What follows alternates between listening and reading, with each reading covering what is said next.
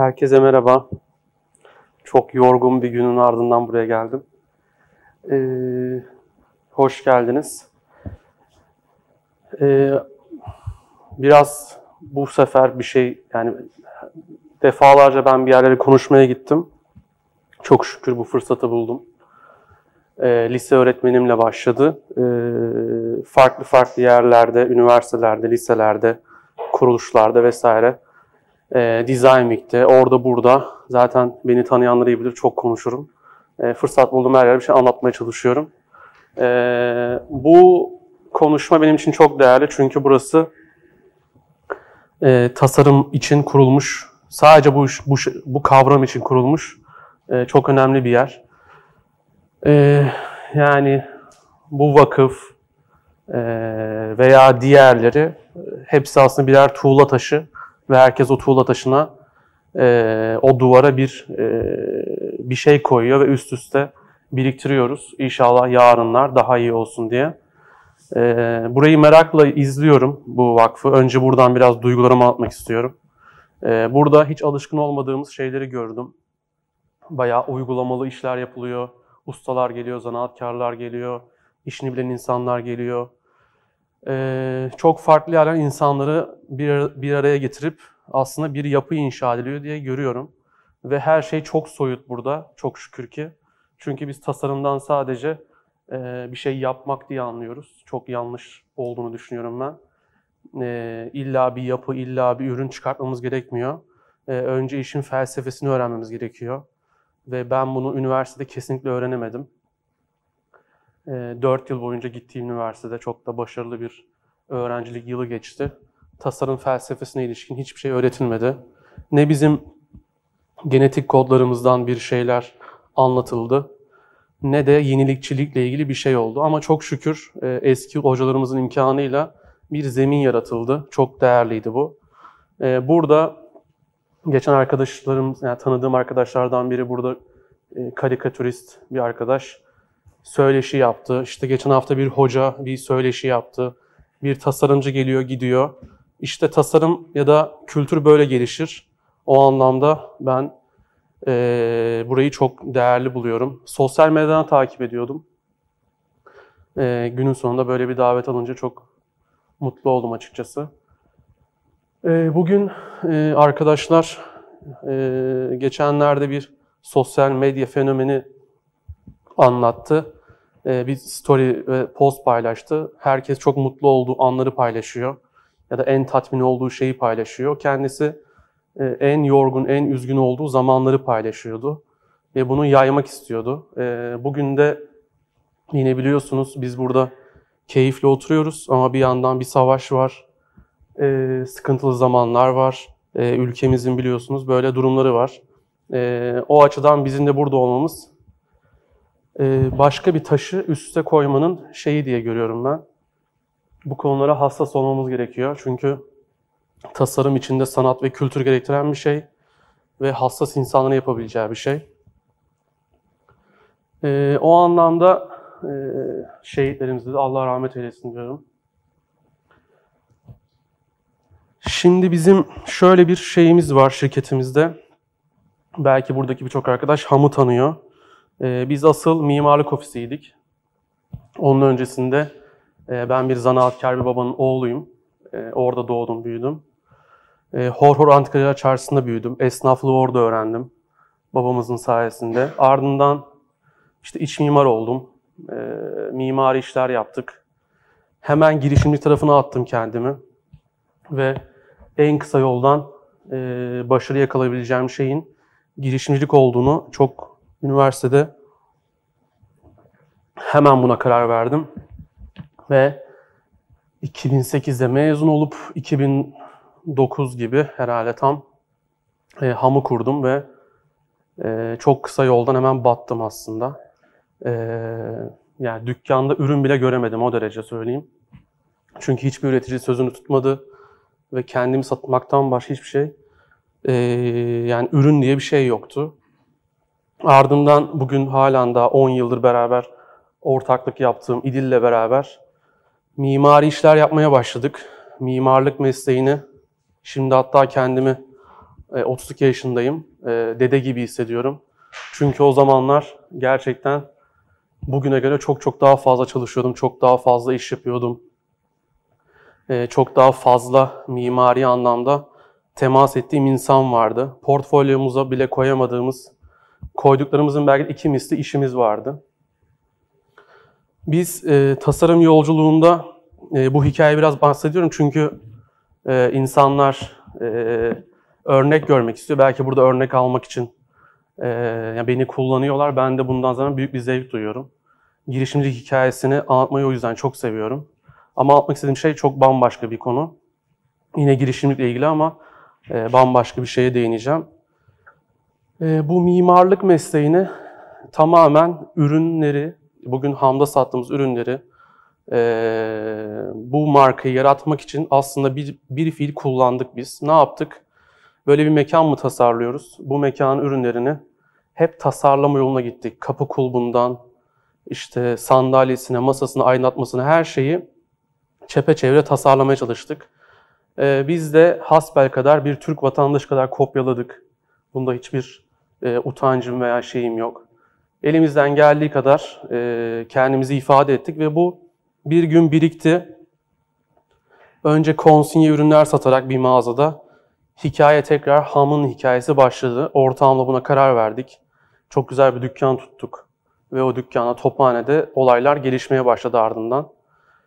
Ve bugün sizlerin sosyal medyada tanıdığı, gördüğü, olabildiğince yerli, işte tasarımcılar çalışan, insanlar çalışan, emeğin çok yüksek derecede olduğu bir şirketimiz var. Bu şirket mimarlık mesleğinden doğdu aslında. Çünkü tekil ürün tasarlayarak maalesef bir marka yapmanız çok zor bizim yaptığımız tarzı bir marka için. Mekan hissi çok önemli. Oradaki hisleri ürünlere yansıtmak çok önemli. Bir kabuk yaratmak çok önemli. O yüzden biz çok avantajlıydık, iç mimardık. Ee, ve böylelikle e, mesleğimizi ürüne yansıttık. Bir kere iç mimarlar ne yaparlar? Dünyada en yani güncel olan iç mimarlık tarzından bahsediyorum. Ne yaparlar? Dünyada kim en iyi işi yapıyorsa onu Pinterest'te takip eder, e, like eder, biriktirir, Instagram'da bakar, dergileri biriktirir. Ne yeni ise onu araştırır. Biz de işte o araştırmayla çok şükür ki güncel bir tasarım diline ulaştık. Ve bu dili aslında Ham'da satıyoruz. E, bugün güncel olan bir şeyin satmasından daha kolay hiçbir şey yok. E, geleceğe mi odaklıyız? Hayır, hiç öyle bir derdimiz yok. Bizim derdimiz insanların kaliteli bir ürüne ulaşması, tasarım değeri olan, gelenekleri olan, zivanası olan, artık hiçbir mobilyada olmayan şeyler bunlar. Zivanası olan aslında mobilyalar üretiyoruz biz, aydınlatmalar üretiyoruz. Aslında anneleriniz hamı sizlerden daha çok seviyor arkadaşlar. Çünkü siz evlenmek üzereyken bizim mağazamıza geldiğinizde annenizi getirirseniz anneniz babanız daha mutlu oluyor. Çünkü çocukluğunda, gençliğindeki mobilya tarzını gördüğü için hamda çok büyük keyif alıyor. Ee, ham biraz bizim çocuğumuz gibi değil. Hani o çok banal bir şey. Ee, çok klişe. Bayağı böyle bizim hayatımız gibi bir marka diyebilirim. Kendimizi ifade ettiğimiz yer. Ve buraya işte bir kitle çekiyoruz. Yani gençleri en başta çekiyoruz. Ben Ham'ın yaşayabilirse inşallah ülkemizde ve dünyada 10 e, yıl sonra aslında çok daha farklı bir noktaya geleceğini düşünüyorum. E, bugün yaşadığımız her şey şöyle düşünün. Bu binanın bir temeli var. Daha temel atma töreni yapmadığımızı düşünüyorum ham içinde. E, temel atma töreni olacak, zemin katı yapacağız, birinci kat falan derken e, uzun yıllar süreceğini düşünüyorum. Çünkü öyle kısa vadede marka yaratmak, bir şey yapmak falan en azından bizim sektörümüzde mümkün değil. Bu süreci yaşarken e, babamdan gelen tamamen e, girişimcilikle, o kanla işte mağaza açıp kapatmalar falanlar filanlar derken e, kendimi doğal bir yolla girişimcilik vakfı olan Endeavor'da bulduk. Endeavor Girişimcilik Vakfı'nı lütfen takip edin. Dünyadaki bütün girişimcilik ekosistemine hakim bir Amerikalı bir vakıf. E, nasıl ekonomi yönetiliyorsa girişimcilik de Amerika'dan yönetiliyor. Oranın girişimcisi seçildik Türkiye'de. Dünya çapında seçilemedik çünkü seçilmek için mass production bir ürün yapman gerekiyor. Ve böyle bir sektöre neredeyse hiç kimse yatırım yapmak istemiyor. Yapmak istiyorsan Vivense gibi bir şey yapman gerekiyor. Ya da Ikea gibi bir şey. Ee, biz daha kültürü olan, gelenekleri olan bir iş yapmak istediğimiz, e, istediğimiz için işimiz orada zor. Ama ne oldu? Çok bir bereket oldu. O dernek e, bize e, belki de gerçek manada bizim sektörümüzde kimsenin girmediği bir yola soktu bizi. Gerçek manada girişimcilik yoluna soktu. Ve ben kendimi de artık ne tasarımcı, ne o, ne bu öz özümde bir amele olduğumu düşünüyorum. Artı bir de girişimciliği de benimsiyorum. E, amele olmadan çünkü mümkün değil girişimci olmak. E, ham böyle serpilirken bizi girişimcilik dünyasına atmışken oradan çok büyük insanlarla buranın yine en büyük özelliklerinden biri benim e, tam anlamıyla yapılıyor bilmiyorum ama mentörlük anlayışı yani bildiğim bir şeyi anlatma anlayışı. E, Endeavor'dan aldığımız en büyük hizmetti bizim bedavaya. E, Birçok ünlü iş adamı, bilen, bilmeyen, e, yarım bilen de çok güzel şeyler öğretiyor. Birçok insanlar, çok yüksek şirketlerin işte CEO'ları, CFO'ları, finans müdürleri, işte patronlarıyla birebir çay kahve sohbetleriyle kendimizi geliştirme fırsatı bulduk. Bu bilgilerin e, en az ürün tasarımı kadar değerli olduğunu düşünüyorum. E, hatta etrafımda yaptığım bütün sohbetleri bu anlamda yapmaya çalışıyorum. Ben de ondan keyif alıyorum. E, girişimcilik dünyasına tamamen adapte olduktan sonra biz mimarlık yapmayı bıraktık arkadaşlar. Çünkü Türkiye'de mimarlık sektörü çöktü. E, biz de güzelim, bebek gibi olan bir Hamdi bir markamız var. Bu markaya odaklandık. E, iki sene boyunca neredeyse mimari iş almadık. E, o dönemde hamı büyütme, hamın e, en çok hata yaptığı zamanı yaşama fırsatımızı bize verdi. Çünkü şirketimiz yılda 2-3 kat büyüdü neredeyse. E, bugün halen da bazı mobilyacıların belki de %1 cirosunu yapıyor ama bizim için şöyle bir şey var. 1'dik 2 olduk, 3 olduk, 4 olduk, 5 olduk gibi bir şey oldu. Bizim için çok değerliydi. O 2 yıl böyle geçti. Çok sancılı, çok kavgalı, darbeli, matkaplı. Hani ülkede darbe oluyor, işte terör olayları oluyor, o oluyor, bu oluyor. Bu süreci böyle atlattık ve günün sonunda bu yıl başına tekrardan ufak ufak mimari işler de almaya başladık. Ve nefes aldığım yerde ben e, kişisel olarak e, taşınabilir bir ev projem vardı. Çok büyük bir hayaldi. E, bunu hamın içinde yapmak en önemli hayallerimden biriydi. Sonrasında hamda nasıl outdoor mobilya satmak çok zor olduysa ya da işte halı satmak ne kadar zor olduysa e, ev satmanın da çok zor olacağını öngörerek e, bu işi ondan ayırmaya karar verdim ve tamamen ayrı bir marka olarak Seyyaho isimli bir marka yarattık. Bu, bu marka yaratırken aslında yine Ham'da ne yapıyorsak aynı şeyi yaptık. E, bu işe inanabilecek ekibimizin içinde olan arkadaşlarla san, bir sandalye çizer gibi evler çizdik. Ama aslında diğerlerinden farkı olan şey aslında bizim e, eşim Neslihan'la, o da burada kendisi. İşte iki çocuğumuzla yaşadığımız böyle kendimize ufak bir ev yapmaydı. Belki hiçbir zaman satılmayacak ev veya biz satmayacağız ama bir yaşam tarzı vaat ediyoruz. Orada da e, insanlar işte keyif alabilecekleri e, küçücük, oldukça kompakt, 1 artı 1 ama 17,5 metrekare olan bürüt olarak söylüyorum. Neti 15 metrekare e, bir evle karşılaştılar. Sevenleri çok fazla oldu. Biz de böyle neredeyse buradaki kişi kadar bir event düzenledik. E, hiç tanımadığımız insanlarla bugün buluştuğumuz gibi o evde buluştuk. Onlara yemek ikram ettik. Çay çorba ikram ettik. Ve şu anda kendi yağıyla ufak ufak hiçbir şey satmadan sadece markaya odaklı bir şekilde o da yürüyor. Ee, işte girişimcilik dediğimiz şey veya o mentörlükler aslında bir şeye sadece odaklanmadan başka başka başka başka şeyleri bir arada yürütme becerisini ve hayatta yaşadığım tecrübeler bana sağladı. Ee, bugün neredeyse içimde olan enerjiyle 10 tane, 20 tane, belki 100 tane marka yaratabileceğimi, bunlara imkanım olursa yapabileceğimi düşünüyorum. Çünkü en önemli şeyin e, o mentörlüklerde ben Ham'a anlattım. Adam bana dedi ki iş iştir dedi. İngilizce'de söyleniyordu bunu. İş iştir dedi. Sen öyle ham diye, işte ID İstanbul diye, işte Ahmet Mehmet diye ayırma. İş iştir. Yani işin muhasebecisi olur, işin üretimi olur, işin satışı olur. İş iştir kardeşim. Lahmacun da satıyorsan aynı zorluklar var, aynı süreçler var.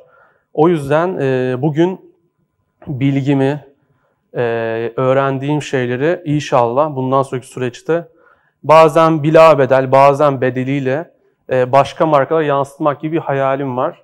En azından bunu sohbet ederek bile yapabildiğimi düşünüyorum. Buna hizmet etmeye çalışıyorum. Çünkü bugün Türkiye'nin tek kurtuluşu tasarım firması yaratmak falan değil. Türkiye'nin tek kurtuluşu işte sanayi yaratmak değil. Türkiye'nin bana göre tek kurtuluşu e, tasarım odaklı ürünler yapabilmek.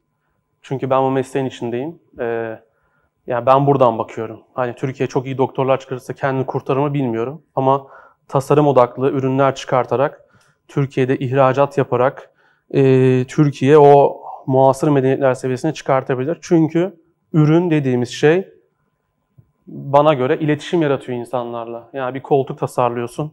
İşte şurada duruyor. Seveni var, sevmeyeni var ama burada en azından %5'imizle iletişim kuruyordur o koltuk. Ee, o iletişim kurarken kimse ona Ahmet mi yapmış, Mehmet mi yapmış, Steven mi yapmış işte David mi yapmış, kimin yaptığını kimse sormuyor. Ürün, tasarım ürünü bize böyle bir iletişim kanalı yaratıyor. Bu çok müthiş bir şey. Ee, bundan başka kurtuluşumuz da yok. Yani Apple'ın bütün başarısı da bu. Bütün markaların e, başarısı bu. Mercedes'in de öyle. Ve biz tek kurtuluşumuz günün sonunda ben bu işin içinde olduğum için yani tasarım işinin e, tasarım markası yaratmak olduğunu düşünüyorum. Marka yaratmak olduğunu düşünüyorum. Aslında ana çerçeve marka yaratmak. E, markalar yaratırsak iş yürür gider. Bu markalar tabii ki yarattım. Türkiye'de 500 tane üniversite kurdum. Dünyanın en iyi o ülkesiyim diye olmuyor. Markaların değerlerinin olması gerekiyor. Markaların para ediyor olması gerekiyor. Markaların ağırlığının olması gerekiyor. Mesela Borusan'ı düşünün. Hiç duydunuz bilmiyorum. Borusan boru firması. Türkiye'nin bütün su kanalizasyon borularını üretiyor. Ama Borusan bu ülkede ağırlığıyla bir şirket kültürü vaat ediyor Türkiye'ye. Ayrıyeten sanatı e, çok önceden beri üstlenmiş, eline almış ve bununla bütün Türkiye'yi sürüklüyor. Sizi sürüklüyor olmayabilir ama beni de sürüklemiyor açıkçası. Hiçbir etkinliğe gitmedim daha. Ama Türkiye'nin entelektüellerinin e, odak noktasında olan bir şirket ve bununla hiçbir şey yapmıyor. Sadece filarmoni orkestrası kuruyor. İşte etkinliklere sponsor oluyor falan. Böylelikle bir değer yaratmada öncü olabiliyorsun. E, Borusan'da belki de biz çünkü Ham'da bunu yaşadık. Aynı boru firması vardır. Aynı ciroyu yapıyordur. Birisi 100 milyon dolar ediyordur. Birisi 5 milyon dolar eder. Neden? Sadece buna değer verdiği için. Yani sadece çok büyük üretmen, çok büyük şey yapman yetmiyor. Özgül ağırlığı olan bir marka yaratman gerekiyor. İlham vermen gerekiyor. E, öncülük etmen gerekiyor. Bir şeyi değiştirmen gerekiyor ve bana göre en önemli benim kavramlarımdan biri yeniyi araman gerekiyor. Yeniyi aramayan bütün şirketler, e, biz çok genciz, Allah uzun ömür versin hepimize, öldüğünü göreceğiz zaten. Yeniyi aramayan bütün şirketler tek tek Türkiye'de gidecekler. Dünyada zaten gidiyorlar. Sermaye el değiştiriyor. E, son 10-15 yıldır hiçbir perakende firması e, dünyanın en değerli 10 markasından biri olmuyor. Hiçbir petrol şirketi dünyanın en değerli 10 şirketinden biri olmuyor. Hiçbir banka banka bu olmuyor. Ee, olanlar tamamen teknoloji, yeniyi arayan, yepyeni, yepyeni arayan şirketler. Bunlar çok yani dünyada e, neredeyse ülkelerden çok daha büyük ekonomiler haline geldiler bu şirketler. Onların hepsini hepimiz biliyoruz zaten. Şimdi böyleyken arkadaşlar artık e, seminerin ana, ana şeyine geçme vakti geldi. E, ben bunu yaparken bizi, e, bizim bütün ülkemize somut değil, elle tutulur değil, elle tutulmayan bazı değerlere ihtiyacımız olduğunu düşünüyorum. Eskiden anne ve babalarımızın, dedelerimizin, tarihteki o güçlü zamanlarımızdaki e, değer yargına geri dönmemiz gerekiyor. Bunlar da tamamen parayla olan şeyler değil biliyorsunuz. Hepsi soyut şeyler, soyut kavramlar. O yüzden ben soyut kavramlara çok önem veriyorum. Ee, başıma bir olay geldi. Yeğenim Furkan, diğer yeğenim Muhammed, adaşım. Benim yüzümden adı Muhammed olmuş bir arkadaş o da. Ee, teyzemin oğlu, biri ablamın oğlu. Ve onların arkadaşıyla beraber onlar beni bir gün ziyaret etti. Ve o gün onlara e, yine içinden geldiği gibi sohbet ettim, mentörlük yaptım.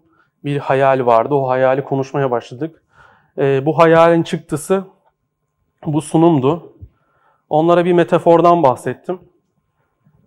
E, şimdi sonra ben bu metaforlarımı böyle yazılara döküyorum. İşte inşallah bir kitap çıkartmak gibi hayalim var. E, onlara sohbet etmeye başladık ve bu sohbeti ben süzdüm ve oradan çıkarsamalar yaptım. Ee, siz bunları okuyabilirsiniz. Ben de üzerinden gideceğim. Aslında bu bir yazı. Buradan çıktığında da paylaşacağım Instagram'da. Ee, bulutlardan bahsettim onlara. Tamamen yani üç tane fıstık gibi yakışıklı kardeşim karşında oturuyor. Kahveleri yaptık. Ee, muhabbet ediyoruz. Bir sıkıntıları var. O sıkıntı için gelmişlerdi. Ee, bir istekleri vardı, ricaları vardı. Sohbet ederken bir yerde dinledim dinledim ve anlatmaya başladım. Anlatmaya başlarken onlara bulutlardan bahsettim. Ee, bulutların çok hafif olduğunu düşünsene dedim yani tartıya koysam belki hiçbir ağırlığı yok gibi gelir sana dedim ama bazen bir bulut yere iniyor. Sel yapıyor yani insanların evlerini sürüklüyor. Nelere sebep oluyor. Ee, o bulutlara baktığımızda biz bilmiyoruz ama çok derinlerinde bazen uçaklar içinden geçiyorsun e, çok ciddi böyle bir su biriktiriyor, su buharı biriktiriyor. Ve vakti zamanı geldiğinde onu aşağıya indiriyor ve yeryüzüne indiriyor. Her şey oluyor, bitiyor onun sayesinde. Su çok önemli. Bununla ilgili ayetler var, bununla ilgili yazılar var. Bir yeni şey var. Suyla ilgili istediğin her şey var yani. Dini veya dini olmayan, işte beşeri olan her şey sudan geliyor. E, vakti zamanı geldiğinde yağıyor bu sular e, yeryüzüne biliyorsunuz. Hani öyle bazen şeyler var. E, okuyor musunuz bilmiyorum Amerika'da falan.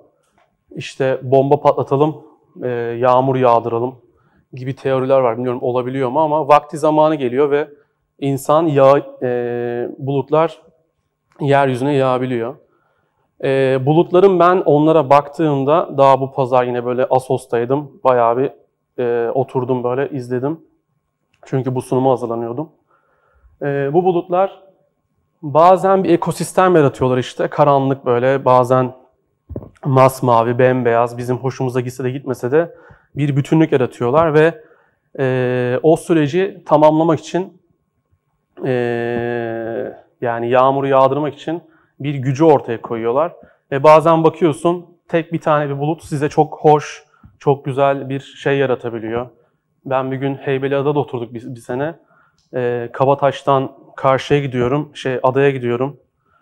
Ee, önümde bir tane bulut ama bulut pes pembe yani böyle bir görüntü hayatımda yok. Ölüyorum falan zannettim. Meğersem e, Sultanahmet tarafından güneş ışığı buluta vurmuş. O da e, denize vuruyor. Yani o güneşi yansıtmasıyla bambaşka böyle e, Instagram'larda gördüğümüz bir kareydi ort- ortaya çıkan. Bazen öyle tek başına bir bulut bile sizi çok etkileyebiliyor. Ee, yeğenlerime bunlardan bahsettim. Onlar tabii şu an sizin sizin gibi böyle ne demek istiyor diye düşündüler. Yani liseden yeni mezun olmuş çocuklar, sizin gibi üniversite değiller.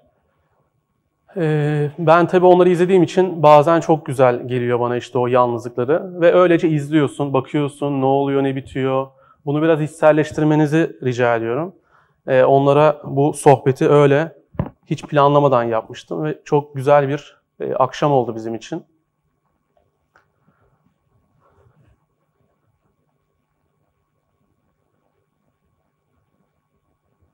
Daha önce de bahsettiğim gibi bu bulutlar e, sadece bir bölgeye bazen çok güzel yağmur yağdırıyor. O görüntüyü görmüşsünüzdür. Akıyor gidiyor. Sen böyle izliyorsun. Bulut sanki sana gelecek evini su basacakmış gibi bir his oluyor. Bazen korkutuyor. Ama bu bana çok büyük bir güzellik ve müthiş bir deneyim olduğunu yani bana öyle hissettiriyor. Ve işte ben varlığımızın da kendi varlığımızın da kişisel olarak e, aynı bulutlar gibi olduğunu düşünüyorum. Yalnız olduğunu, yapayalnız olduğunu düşünüyorum.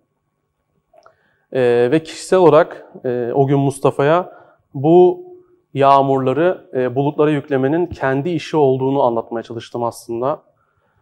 E, ve yağmak istiyorsan bir gün o da yine senin elinde. Yani bu bizim ülkemizde olduğu gibi her şey Allah'tandır. O evet öyle bir anlayışımız var.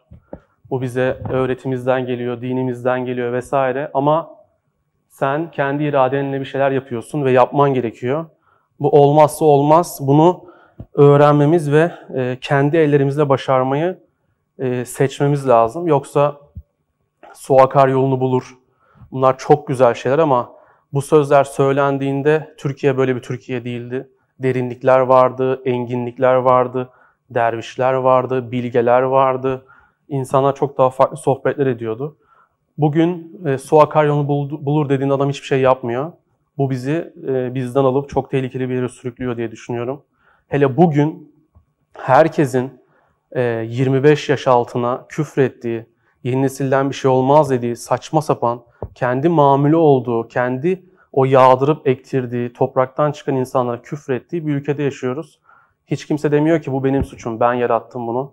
E, herkes yeni nesil şöyle, yeni nesil böyle diyor. Bilmiyorlar ki bana göre yine şahsen fikrim, yeni nesil 10 kat, belki 100 kat daha çok daha temiz, çok daha yeni bir insan olarak geliyor. Çünkü bu değişimin içinde onlar yaşadığı şeyleri e, anlamaları mümkün değil. E, yermek çok kolay ama anlamak, onu içselleştirmek ve o çocukları geliştirmek bizim e, görevimiz diye düşünüyorum. Bazen bu süreçte bir rüzgar gibi düşünün. E, bunu yakalamak gerekiyor, bu varoluşsal süreci. Yakalayamazsanız yağmur da çöpe gidiyor, bulutlar da uçuyor gidiyor, her şey boşa çıkıyor. Ee, ve bu değeri gerçekten yerinde yaşamak gerekiyor. Ne demek bu? Yani siz bir şey yapacaksanız, bana bunu Nurus'un sahibi öğretmişti. Önce e, Türkiye'de yapacaksın. Var olduğun yerde, doğduğun yerde, büyüdüğün yerde. İstersen git, 30 yıl yurt dışında yaşa, bir şeyler yap ama gel kendi toprağında kendini ispat et. Burada ispat edilmeyen, burada olmayan bir şeyin e, bize gerçekten ilham veriyor okey ama ne kadar katkı sağladığını ben e, soruyorum kendime. Bazen şöyle bir şey hissediyoruz biliyorsunuz arkadaşlar. E, yolda yürüyorsun ve yağmur çiseliyor. Sana çok güzel bir his veriyor ama bazen yağmur insanı dövüyor. Yani senin yapmak istediğin her şeyi arkasındaki bir güç seni yıpratıyor, saçlarını beyazlatıyor, e, her şey eskitebiliyor. Bunu da yönetmek gerekiyor. Ben bütün süreçleri insanın e, yönetmesini, bu soyutlukla e, bir yerlere temas etmesi gerektiğini düşünüyorum. Bu temas olmadan maalesef yine e, biz üzerime üzerimize düşen görevi, yani şöyle benim şirketimde oldu bu. O kadar hızlı büyüdü ki bir ara şirket. Direksiyon tutamaz hale geldik. Rüzgar esti. Ve bunun bedelini ödemen gerekiyor. Yani kaçmaman gerekiyor. Veyahut yine oldu, şirket tepe taklak oldu. Batıya gidiyordu. Tutman gerekiyor direksiyonu. Bunun temas etmen gerekiyor. Yoksa gerçekten şöyle hikayeler oluyor. Birçok babamızda olan inşallah bizim olmayacaktır. Biz şöyle bir firmaydık, şöyleydik, şöyleydik, şöyleydik. Şimdi nesin? Hiçbir şey. Elinde bir hava var. Yani bulut da yok, hiçbir şey de yok enerji de kalmamış. Bu insanların en büyük sıkıntısının ben gerçekten probleme veya güzelliğe temas etmediklerini düşünüyorum. Babamda da gördüm bunu, abilerimde de gördüm, o büyük iş adamlarında da gördüm. Gerçekten temas edilen noktada direksiyonu tuttuğun yerde her şey e, yerlerinde durabiliyor arkadaşlar. En azından şöyle oluyor, sen gerçekten gerçekten acı çekiyorsun ve gerçek bir acı çekiyorsun ve öyle batıyorsun, öyle çıkıyorsun. Bu bir evlilikte de aynı şey. Yaşarsın süreci hemen pes edip gidebilirsin. Böyle bir şey yok arkadaşlar. Temas edip asıl yapmak istediğin şeye odaklanmak gerekiyor. Bugün bu temastan kaçınıldığı için ben gün içinde en az yaşadığım 10 tane olayda Ee, bugün yine bir arkadaşıma söyledim şirkette. Bu yaşadığın olay gerçek değil dedim. Gerçek değil. Hiçbir şekilde gerçekle alakası yok. Yani öyle bir e, sürecin içine sokuyoruz biz. Çünkü temas yok. Temas olmadığı zaman dokunmuyorsun ve hep bir hava bulutu böyle. Hiçbir şey e, yaşayamıyorsun aslında. Buraya bu akşam sadece kafanız karışsın diye geldim zaten. Hani hiçbir öğretici olması için bir şey değil. Neyse bu hareketler e, bir şekilde meydana geliyorlar arkadaşlar. Rüzgar esiyor, işte şiddetler vesaire vesaire. Ama o rüzgarlar, o tekil tekil bulutları işte şu anda hepim, hepimiz şöyle hayal edelim. Herkes bir yerden geldi buradan. Benim eşim Kandili'den geldi. İşte bir arkadaşım Eyüp'ten geldi. Bir arkadaşım Etiler'den geldi belki. Bizim biz buraya toplandık. Çünkü burada bir rüzgar esti ve o rüzgar bizi buraya getirdi. Ee, işte Türkiye'de yine artık ufak ufak gerçek manada oturmaya çalışan şey kolektif bir yapı, kolektif bir bilinç. Bu olmadan da e, maalesef hiçbir şey yapmamızın imkanı yok. Hele bugünün dünyasında. Eskiden çok kolaydı. Nemrut bir patron oluyordun. Cebindeki parayla insanları dövüyordun. Gerektiği yerde hakaret ediyordun. Onun kalbine hiç konuşmadan 70-80 yıl yaşayıp zengin olup öylece ölen bir insan var. Halen daha yaşıyor bunların çoğu. Artık böyle bir şey yok. Kolektif ruh ne gerektiriyor? Hem temas gerektiriyor hem ilişki gerektiriyor. Çünkü yan yana bir iş yapmamız lazım. Tek başına bir ürün yaptın, bir şey çıkarttın. Böyle bir şey mümkün değil. O dönem kapandı. Ama dönüyorsun 300 yıl, 400 yıl, 500 yıl sonrasının öncesi sonrasına Osmanlı'da aile kültürü vardı diyor bir tane adam. E sen bunu uyguluyor musun? İşte bizim geçmişimizde bir aile kültürü vardı. O aile kültüründe esnaf sen bir e, siftah yapmadıysan sana yönlendiriyordu müşteriyi.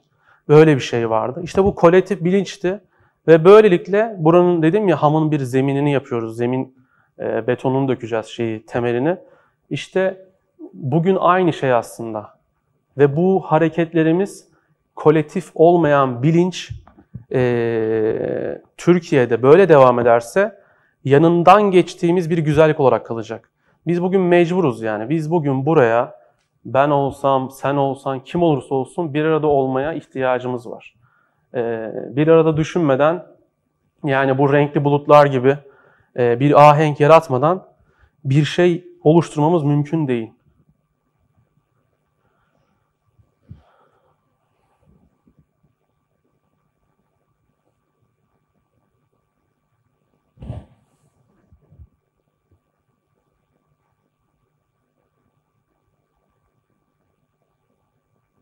Mustafa dedim ben o gün. Güzel kardeşim sen bir bulutsun dedim ya. Sen bir bulutsun. Sen yanındaki bu arkadaşımız için de bir bulut olur musun? Yani sadece kendin için değil. Ne yapıyorsan yap, sen Furkan içinde yapacak mısın acaba? Ne öğreniyorsan onun içinde öğrenecek misin? Şimdi kolektif biliş diyoruz ya, öyle bir saçmalık var Türkiye'de. Ee, sen tasarımı çok iyi biliyorsun, sen satmayı çok iyi biliyorsun, sen üretmeyi çok iyi biliyorsun, sen bir şey biliyorsun. Ulan hepsi aynı şeyi yapmak istiyor. Böyle bir şey yok. Böyle bir bilinç yok. Birisi önde durur, birisi bir şey durur ama o ruhla bir şey bir şey haline gelir. Bizde ne olabiliyor? Çok basit tabii. Başıma gelen de benim bu hikayenin sonunda öyle oldu. O bulut olmasını teklif ettiğim insanlardan biri sivrildi gitti. Başka bir dünyaya geçti. O kadar anlatmama rağmen, 5-6 yıl yanımızda yetiştirmemize rağmen, sohbet etmemize rağmen, yeri geldiğinde kızmamıza rağmen, kavga etmemize rağmen vazgeçti. Çünkü e, ne kadar anlatsan da olmuyor. E, çünkü aileden gelen şeylerle, yetişme tarzıyla e, maalesef bulut olduğunu farkına varmadan e, olay bitiyor. Ben bu birlikteliklerle kendi şirketimde, kendi sürecinde yaşadığım en büyük şey bu temaslar arttıkça yine bizim kavramlarımızdan biri bereketin yerine geldiğini düşünüyorum. Hemen her şey değişiyor. Yani benim hayatımda öyle oldu. Şu anda yine yaşıyorum bunu şirkette ve tekrar ediyor bu. Ne yaparsam hep aynı şekilde. Bir arada yaptığım her şey e, benim bütün hayatıma çok olumlu tesir ediyor.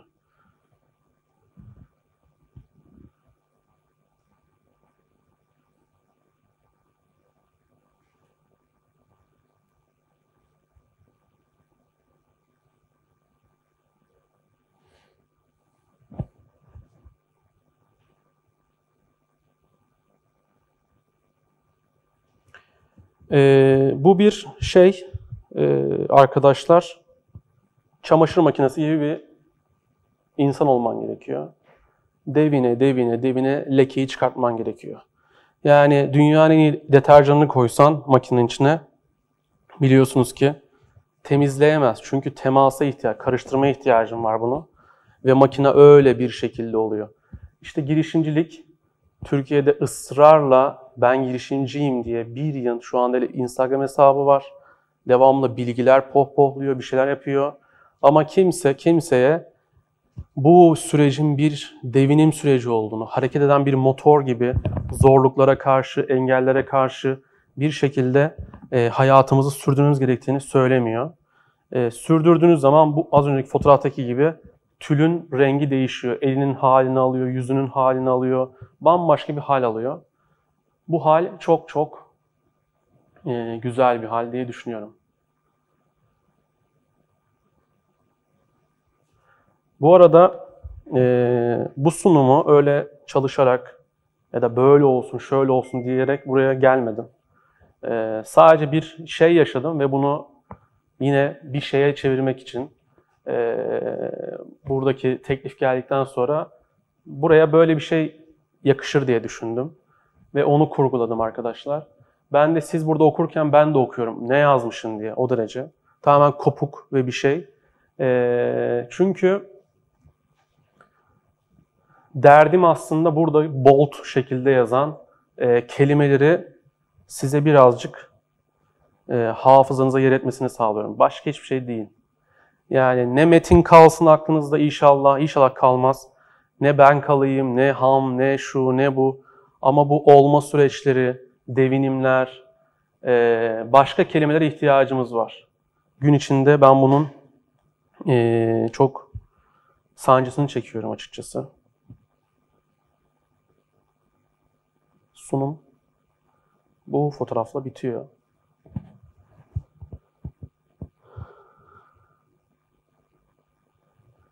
E, tüm yaratımlar, yani bugün bir şey yaptım diye burada buraya da olma şansına eriştim ya. E, ve bütün girişimler e, para etse de etmese de, sevilse de sevilmese de benim bu yolculuğumla oldu. Ve o gün olan şey şuydu arkadaşlar. Üç tane kardeşimiz geldi. İşte Muhammed bizim yanımızda yeğenim. Liseden terk. E, sevkiyat ekibimizde çalışıyor. Furkan üniversiteyi bitirmiş, çok yakışıklı, Hepsi böyle güzel çocuklar bunlar. E, bu arada e, Furkan iç mimarlık okudu. Babası cilacı, dedesi işte kündekar ustası babam. Ben mimarım. Amcaları usta, şey dayıları usta. Bütün sülale bu işin içinde ve Furkan iç mimarlığı bitirip bizim marangozhanelerden birinde, ustalarımızın birinde şu an kalfa oldu. Yani o süreci yaşıyor. İnşallah usta da olacak. Furkan geldi. Furkan bizim ekipte çalışıyor gibi düşünün. Muhammed sevkiyat ekiminde çalışıyor. Mustafa da daha önce Furkan'ın liseden arkadaşı ve bizde staj yapmış, satışta çalışmış. Çocuk diye hiçbir şekilde ön yargılı olmadığımız. Çünkü çok açık, çok güzel bir çocuk. Ee, bizde çalışmıştı ve o akşam bu üç kanka e, öyle konuşuyorlar aralarında. E, Mustafa'yı işe sokmak için benim eve geldiler. Benim ev diyorum çünkü biz Heybeliada'ya bir taşındık. Ben eve gidemez hale geldim vapurların saatlerinden. E, burada küçücük bir ev tuttuk. Orası böyle biraz terapi merkezi gibi olmuştu. E, Mustafa'yı bir şekilde hamın içine sokmak için büyük bir bana baskı yapıyorlar. Abi ne istersen yaparız işte dayı yapma etme falan filan. Oğlum ihtiyacımız yok diyorum yani şirkette ihtiyaç yok. Ya ben ne yapayım böyle takılıyorum bunlara. Neyse günün sonunda anlatmak istedim onlara. Böyle bir süreci anlatmak istedim. Dedim siz birbirinizin şeyi olacak mısınız, bulutu olacak mısınız diye sorular soruyorum. Onlardan kafalar bir dünya. Yani çok takılan arkadaşlar. Ne yapıyorsun diye soruyorum. Mesela her zaman bu, bu arkadaşlar takılıyoruz diyorlar. Yani hiçbir zaman başka bir şey yapmıyor. Hep takılıyorlar. Mesela bu çok ilginçtir benim için. Ne yapıyorsunuz? Hep takılıyorlar. İşte bana diyor ki işte dayı ya şuraya gidebilir miyim işte Şile'ye. Ne yapacaksın? Takılacağız diyor. Yani başka daha böyle hiçbir şey duymuyorum arkadaşlardan. Çok değişik. Bu nesil gerçekten çok değişik ayrıca. Ee, işte konuştuk ettik. Anlattım bunlara. Kafalar bir dünya oldu. Yani şaşılar böyle. Ne diyor bu? Delirmiş falan diyorlar. Dedim okeyseniz sen üretmeyi biliyorsun. Sen Furkancığım üretmeyi biliyorsun. Mustafa sen çok açık bir çocuksun. Dünyanın en açık çocuklarından, insanlarından biri. Sen satmayı biliyorsun. Oğlum de sevk etmeyi biliyorsun. Al sana bir şirket. Yarın bir gün hayatınızda bir girişim. Hep beraber yapsanız olmaz mı? Nasıl olur abicim? Abi ne diyorsun dayı falan çok iyi olur. Heyecanlar böyle çıldırdılar bunlar. Ama gerçekten gözler şelale. Adamlar işe sokacağım diye geldiler. Ben şirket kuruyorum onlara. Yani heyecan son noktada. İşte Ruffles'lar açıldı falan kolaları içiyoruz. Günün sonunda anlattım. Tamam dediler yani. Dedim ki bak kimsenin haberi olmayacak. Herkes kendi alanında kendini yetiştirecek. Belli bir vakit gelecek ve bir hareket yapacaksınız. Ne yapacaksınız? Belki kaportacı açarsın bilmiyorum ama işte bizim şirketimizde üç tane olay var. Bir üretme olayı var, bir satma olayı var, bir onu sevk etme olayı var, bir de tasarım olayı var. Tasarımı da ben yaparım onlara bedavadan. Sorun yok zaten. Şirketi kurarız yani. Hiç sıkıntı yok. Ve olay başladı. Ve Mustafa bizde artık oldum diyerek işe girdiğini hissettim ben o gün, o gece. Abi ben üniversite iki yıllığı bitirdim. Artık yaşım geldi ve oldum diye geldiğini hissettim.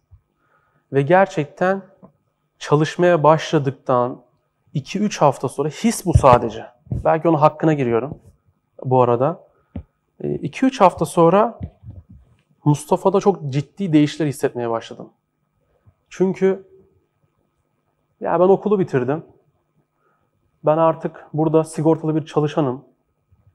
Benim bir maaşım var. Ben babamı da bıraktım, anamı da bıraktım. Çünkü çok ciddi aile problemleri vardı. Onu bir kardeşlerimizin evine yerleştirdik. Arkadan arkadan destekleri verdim. Kendi hayatını kuruyor. Ama bir anda farklı bir Mustafa oldu. Bizim çok sevdiğimiz tatlış bir Mustafa gitti. CEO, CEO oldu bir hemen. Kendi CEO'su oldu. Ben de CEO olayı çok değişik bir kavramdır. İmzamda yazıyor bu arada. Ve Mustafa'yı izliyorum. Ne yapıyor bu çocuk mağazada? Şirkette ne yapıyor? Nerelere temas ediyor? Ve o gün olan şey şu oldu. Ham da bir satışçı olmaya karar verdi. Ham'a dahil olmaya karar verdi. Okey. Ama o iki arkadaşını ön planda o olduğu için bence içgüdüsel olarak terk etti. Muhammed'i de terk etti, Furkan'ı da terk etti. Bunu gözlerimle gördüm, hissettim. Bir gün Furkan'a sordum dedim ki Mustafa ne yapıyor dedim. Yanımda çalışıyor bu arada. Görüşmüyoruz dedi. Görüşmüyorum dedi. Niye dedim? Görüşmüyorum dedi artık. Bir şey anlatmadı. Neyse hikaye böyle oldu. Mustafa ile biz yollarımızı ayırdık.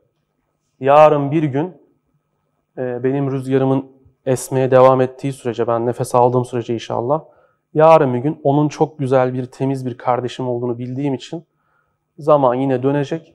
Bir şekilde bulutları birleştirmeyi ben hayal ediyorum. Ama kendi içlerinde e, ayrıştılar. Çok ciddi şekilde ayrıştılar. Görüşmüyorlar. E, Mustafa koptu olaydan. Ne olacak? Muhammed satmayı bilmiyor arkadaşlar. Furkan gerçekten bilmiyor. Bizim mağazamızda çalıştı bu arada. Furkan'a bırakıyorsun dükkanı, villada yapıyor bütün gün. Her yeri siliyor. Müthiş bir adamdır yani. Müthiş. Kend, elimde büyüdüğü için biliyorum. Al böyle ev erkeği yap yani. Öyle bir çocuktur. Sevgi doludur falan filan ama satmayı bilmiyor. Kendisini satamıyor. Muhammed zaten başka bir dünyanın adamı.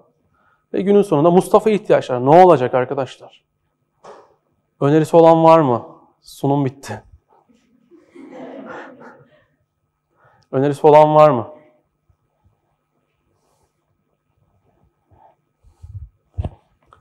Yani önerisi, önerileri alıp sonra soru varsa sorular alacağız. Öyle bitirelim. Biz seninle tanışıyoruz. Nereden tanışıyoruz? Ha, ne haber? İyi. Evet abi. Öneri mi alalım? Öneri mi alıyoruz? Okey. Öneri varsa önce ne? Sonra sorular alırız. Önerisi olan var mı? Ne yapılacak? Şimdi Muhammed satış mı öğrensin? Furkan ne yapsın? Sevkiyata mı çıksın? Ne olacak? Benim bir önerim yok bu arada bak ha. Vallahi billahi. Sadece sohbet için soruyorum. Evet. Bizim bilen arkadaşlardan. Saim ne yapsın? Tanıyorsun çocukları.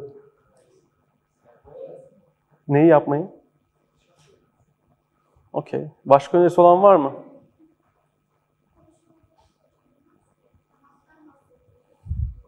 Aynen. Tam benim tarzım cevap verdin. Allah razı olsun. Sohbet etmeleri lazım. Sohbet. Bakın. Telefonum nerede Nesla? Ben şu an buraya gelmeden önce bir işle ilgili bir olay yaşadım. Senin cevabını cevabına cevap olsun yani şey olsun sana da yardım olsun. Oy oy.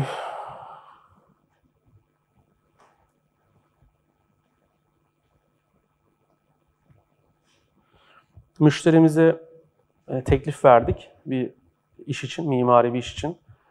Müşteri işte yan çizdi falan ama ölüyorlar. Çok tatlı insanlar. Günün sonunda bugün işte bir patronun tanıdığına vermek istediğinden bütçe pahalı geldi demiyor. Ee, başka bir yere kaydırdıklarını söylüyor ama biz size çalışmak istiyoruz. Ne yaparsak yapalım çalışacağız diyor. Ben de sunum attım ona bir tane, bir iki tane. Örnek dedim bakın tanımadan, anlamadan karar vermeyin dedim yani. Şu an çünkü ekmek nerede bu arada? Ekmek hastanın ağzındaydı ya. Ekmek nerede arkadaşlar şu an? Neyse bu soruya birazdan geçelim. Bu da çok şey ağır bir konu. Ekmek çok zor arkadaşlar. Ekmek kaz- para kazanmak şu anda. Tutunmak. Ben attım sunumu. Harika olmuş. Elinize sağlık. Kesinlikle katılıyorum size. Eminim ortak ve doğru bir yol bulacağız. Bak gerçek ya. Hiçbir yalan değil. Tamam mı? Eren güçlü bir kadın. Sizin gibi kıymetli bir insanın yolculuk bizler için çok önemli. İşte dua işareti. Böyle yani dua eden varsa evde bilmiyorum. Problem yok. Ben de öyle yapıyorum burada yani. Alışkanlık oldu. Sektör bu. Şu eller böyle. Çok sağ olun. Yazdım. Karşını verebiliriz inşallah. En kötü, en kötü bir kahve içer muhabbet ederiz yazdım. Görüşmek dileğiyle. Bence o zaman en iyisi olsun. Bunu temenni ediyorum yazdı. Ya daha iş kaçmadığını aldım ben. Senin önerin güzel. Ama yeterli değil. Çünkü muhabbet eden insan yok. Tamam, olay bitti. Eskiden Messenger vardı. Ne güzel orada dinlediğin şarkıyı falan gösteriyordun. Tamam muhabbet ediyordun ne güzel. Duygu geçiyordu yani. Millet orada aşk yaşıyordu. Ben de yaşadım bu arada. Neslihan'la. 18 yaşından beri beraberiz arkadaşla. Var mı önerisi olan? Yeni. Yenilikçi öneri. Bugün nesline uygun öneri. Ya deseniz yeni bir Mustafa buluruz ya bu kadar. Mesela ne olacak? Mustafa gelmiyorsa abi yine Mustafa bulacaksın. Ne yapacaksın? Vaz mı geçeceksin? Mustafa'yı Mustafa'yı özüne kavuşturmak senin gibi, o da benim çok çocuk arkadaşım, senin gibi deveyi hendek atmak, atlatmaktan daha zor kendisi gibi. Ee, zor konu o. O konuya girmeyelim. Psikologlar gerekiyor. Hani baştan bir yaşam gerekiyor falan.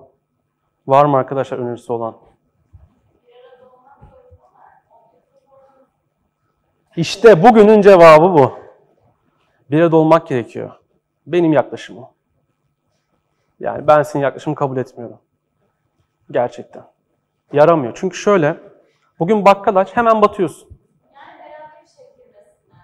İşe girmesinler ya. Ha, beraber arkadaşlık mı yapsınlar?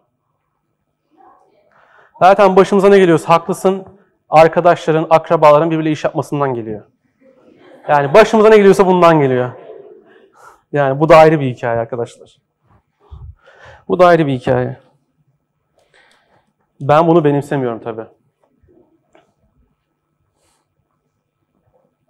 Ben bunu benimsemiyorum. Arkadaşla, dostla, en yakınınla iş yapmaktan daha keyifli bir şey yok.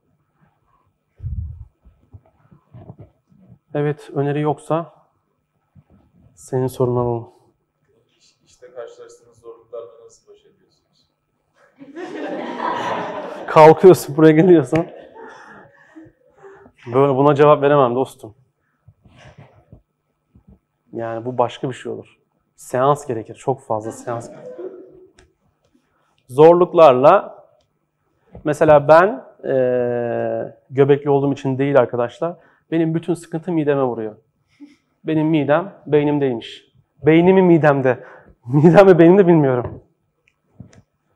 Yani nasıl baş ediyorum? Ee, bir reçete yok. Cevap veremem buna kusura bakma. Sen sorar mısın bir şey? Evet. Niye? Hangi okuldansın? Okul.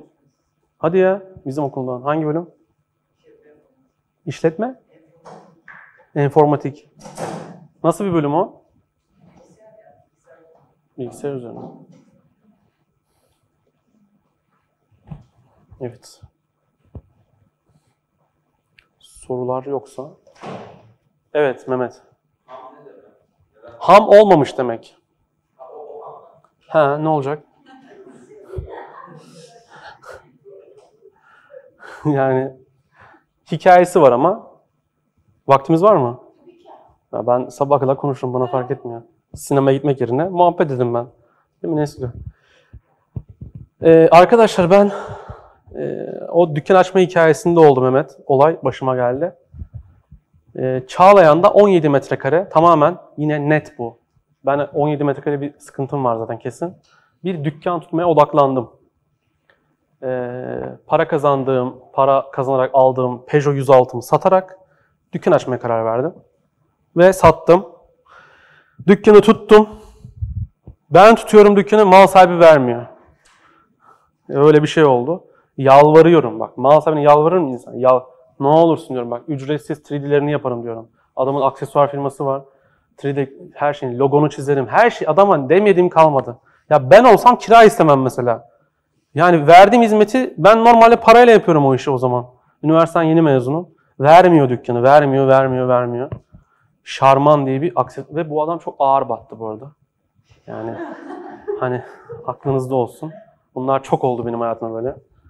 İzliyorum çünkü izlemeyi çok seviyorum. Bugün şirkette de arkadaşlar var şirketten biliyorlar.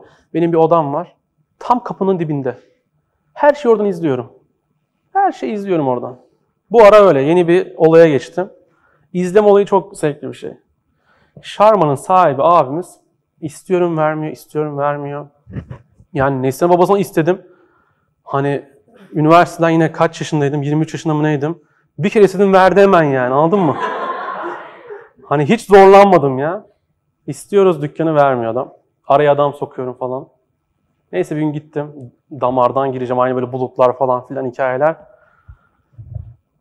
Dedim abi dedim bak. Aynen böyle ses tonum da böyle bulut şeyle buğulu. Dedim ben hamım dedim. Olmak istiyorum dedim. Bana dedim bu dükkanı verir misin dedim.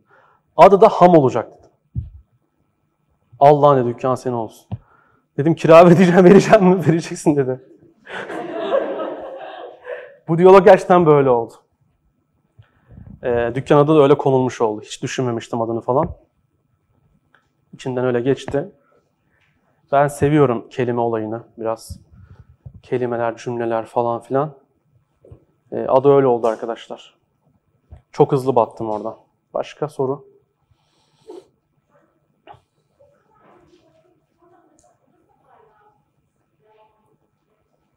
Nasıl? Bak dükkanı açtım şöyle hayal et. Bir akrabamız var bizim. Bu Furkan var anlattım ablamın oğlu. Onun en- amcası var Rıza abi. Gittim Rıza abiye. Dedim ki abi bak ben bir yer kuruyorum. Bana ürünler yap. Tamam dedi yaparız dedi. 20 günde hallederiz dedi. Ulan dükkanın mobilyasını Erol abi yaptı bedavaya. Sabit mobilya. Bir tek masa var zaten. iki tane raf var. O kadar şey sığıyor. Boyayı Mehmet abi yaptı boyacım. Sağ olsun. İşte plexleri ben kestirdim hamın logosunu falan. Ee, bir şeyler bir şeyler. Dükkanı açacağım. Logoyu yapıştırıyoruz Rüstem'le. Benim çok yakın arkadaşım. H'yi taktım. Bak yemin ediyorum. Bu bugün niyeyse çok şeyim. Ağır bir gündü benim için yine. Anlatasım geliyor bu detaylara. Belki Neslihan'a bile anlatmamışımdır yani. H'yi taktım. Yarın açacağız dükkanı. Baktım dükkanda ürün yok. Gerçekten ürün yok.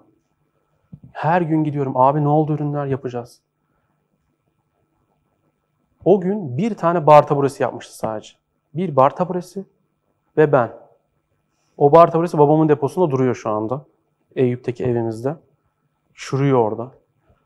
Ve neyse dedim ben battım Rüstem.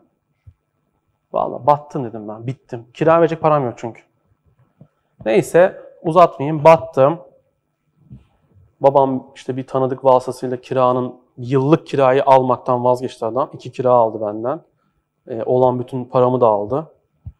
Ee, o genci acımadı. Hiç acımadı yani. Gerçekten acımadı. O abimiz. Sonra eve gömüldüm. 10 gün hiç çıkmadım evden. Hiç çıkmadım. Neslihan hatırlıyorsun değil mi? Ha? Neslihan bilir. Bayağı bir çıkmadım. Sonra babam kapıdan girdi. Adam böyle şeydir. Bizimki çok sohbet adamıdır. Lafı kodum mu oturtur. Yani hiç 90 her zaman 90 atmıştır. Sen bugün babama dersin mesela bir laf söyler. Ha baba dersin. Sonra 5 yıl sonra o gelir sana vurur. Yani öyle bir insandır. Ben işte yatıyorum böyle bohem bir kafam var zaten tamamen. Sen ne yapıyorsun dedi. Ne yapayım dedim oturuyorum işte falan filan. O bana bak oğlum dedi. Aynen böyle. Her şeyini kaybedebilirsin dedi. İsminiz neydi? Sare. Tamam kendini benim yerime koy. Baban geldi, batmışsın. Olay her şey bitmiş. Abine borçlanmışsın falan. Araban gitmiş gülüm. Bembeyaz şey Peugeot 106.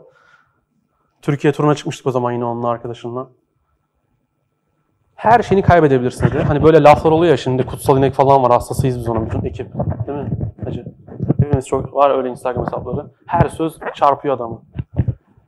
Her şeyini kaybedebilirsin ama ne olur dedi heyecanını kaybetme. Ve kalk dedi. Arkadan küfretmedi. Kalk dedi. Ben de kalktım. O gün çıktım sokağa gerçekten. O gün o dediği çok önemli. Ben bugün direkt bunu uyguluyorum hayatıma. Ve e, bunun pilimi bitireceğini düşünüyorum bu arada. Korkuyorum. Ya bu yaklaşımın bir gün takılıp kalacağını düşünüyorum. Hık diye gidiyor ya insan. Onun gibi bir şey olabilir. Ama o şeyle kalktım. Çok dramatize olmaya gerek yok bu arada. Bunlar güzel şeyler. Vergi dairesine gidiyorsun. Maddi imkansızlıklardan dolayı şahıs işletmemi kapatıyorum diye dilekçe veriyorsun. İşte kapatıyorlar şirketi yani.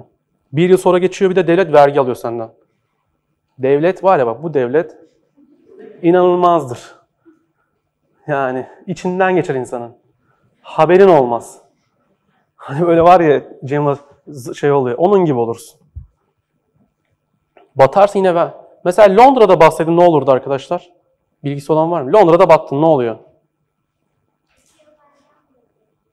Londra'da sen batma diye her şeyi yapıyorlar. Bir de battın diye konferansa çağırıyorlar. Niye battın? Batmak çok güzel bir şeydir diye anlattırıyorlar sana. Gerçekten. Fail ne diyorlar buna? Fail bir şey diyorlar. Fail edenler. Fail kaybetmek değil mi? Başarısızlık hikayeleri. Ele tutuşmalar falan var orada böyle Amerika'da. Tutuşuyorsun. Ha? Aynen. Yuvarlağı var, elipsi var. Böyle türlü türlü. Evet. Buraya gelirken bayağı hasta gibiydim. Ee, şu an iyileştim çünkü konuşuyorum. Bu birkaç defa daha başıma geldi. Sizin sorunuz var mı? Yok, okey.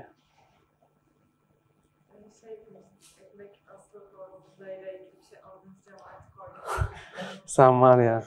Her şeyi yakaladın gerçekten bugün. Evet, ekmek hastanın neresinde arkadaşlar? Kutsal inek sorularından biri. Bunları bu arada ezberleme demiş bir yerden ha. Vallahi billahi kendi düşündüğüm şeyler. 3-5 kuruşluk şeyler yani. Ekmek hastanın neresinde şu an arkadaşlar? Ha? Pençesi. Okey. Bu sözün şeyi ne? Ekmek hastanın neresinde söz olarak? Ağzında. Okey. Başka teorisi olan var mı? Ne? Okey. Başka? Önünde. Yiyeceği yemek mi? Okey. Başka?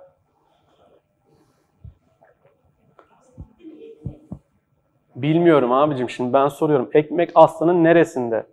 Sağında, solunda, içinde, karnında. Nerede yani? Önerisi olan var mı? Senin sordum madem bir fikrin vardır. Ekmek var. Ekmek var. Soruda var çünkü zaten. Yani en azından soruda ekmek var. Ee, bugün içiniz kararmasın diye söylüyorum. Ee, ekmek bana göre bu arada yine şahsen. Ekmek bir yerde sebebi şeyini nerede olduğunu söyleyeceğim. Ama nedenini de söyleyeceğim. Bugün senin iş kurman zor bir şey değil. Baban yardım eder, anan yardım eder, birileri bir şey yapar falan. Her şey yapabilirsin.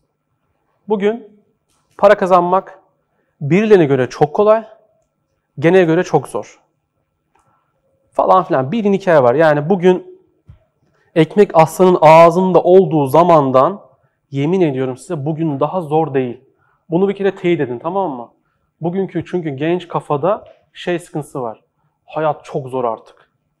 Yok abi. Eskiden de zordu. Benim babama bir soruyorsun. Baba ne yaptınız sen, siz diyorum. Oğlum diyor bir diyor Irak'la İran bir savaş etti diyor. Hiçbir şey yapamadık diyor. Savaş bir bitti diyor. Irak, Irak'a yapılan ihracatla Türkiye büyüdü diyor. Bütün Irak'ı Türkiye beslemiş.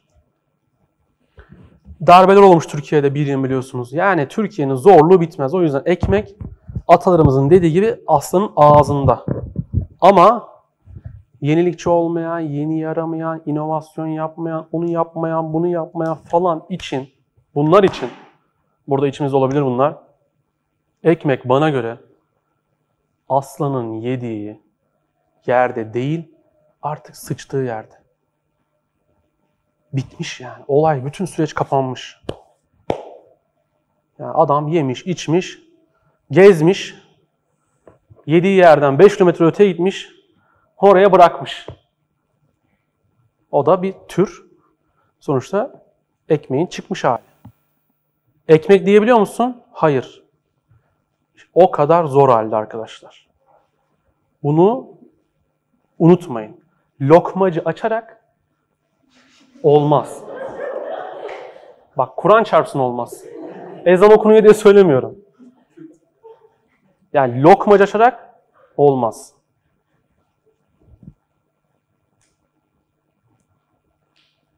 Yoksa ekmek yani. Lokmacı da ekmek yiyor değil mi? Çiğ köfte isterseniz var. Çiğ köfte tükenmedi mesela. Hala adamlar direniyor. Geçen Tuğba Ünsal çiğ köfte paylaşıyordu mesela. Müthiş bir şey. Demek ki oturdu bu kültür. Neyse çok teşekkür ederim. İyi ki geldiniz. Sağ olun. Sağ olun.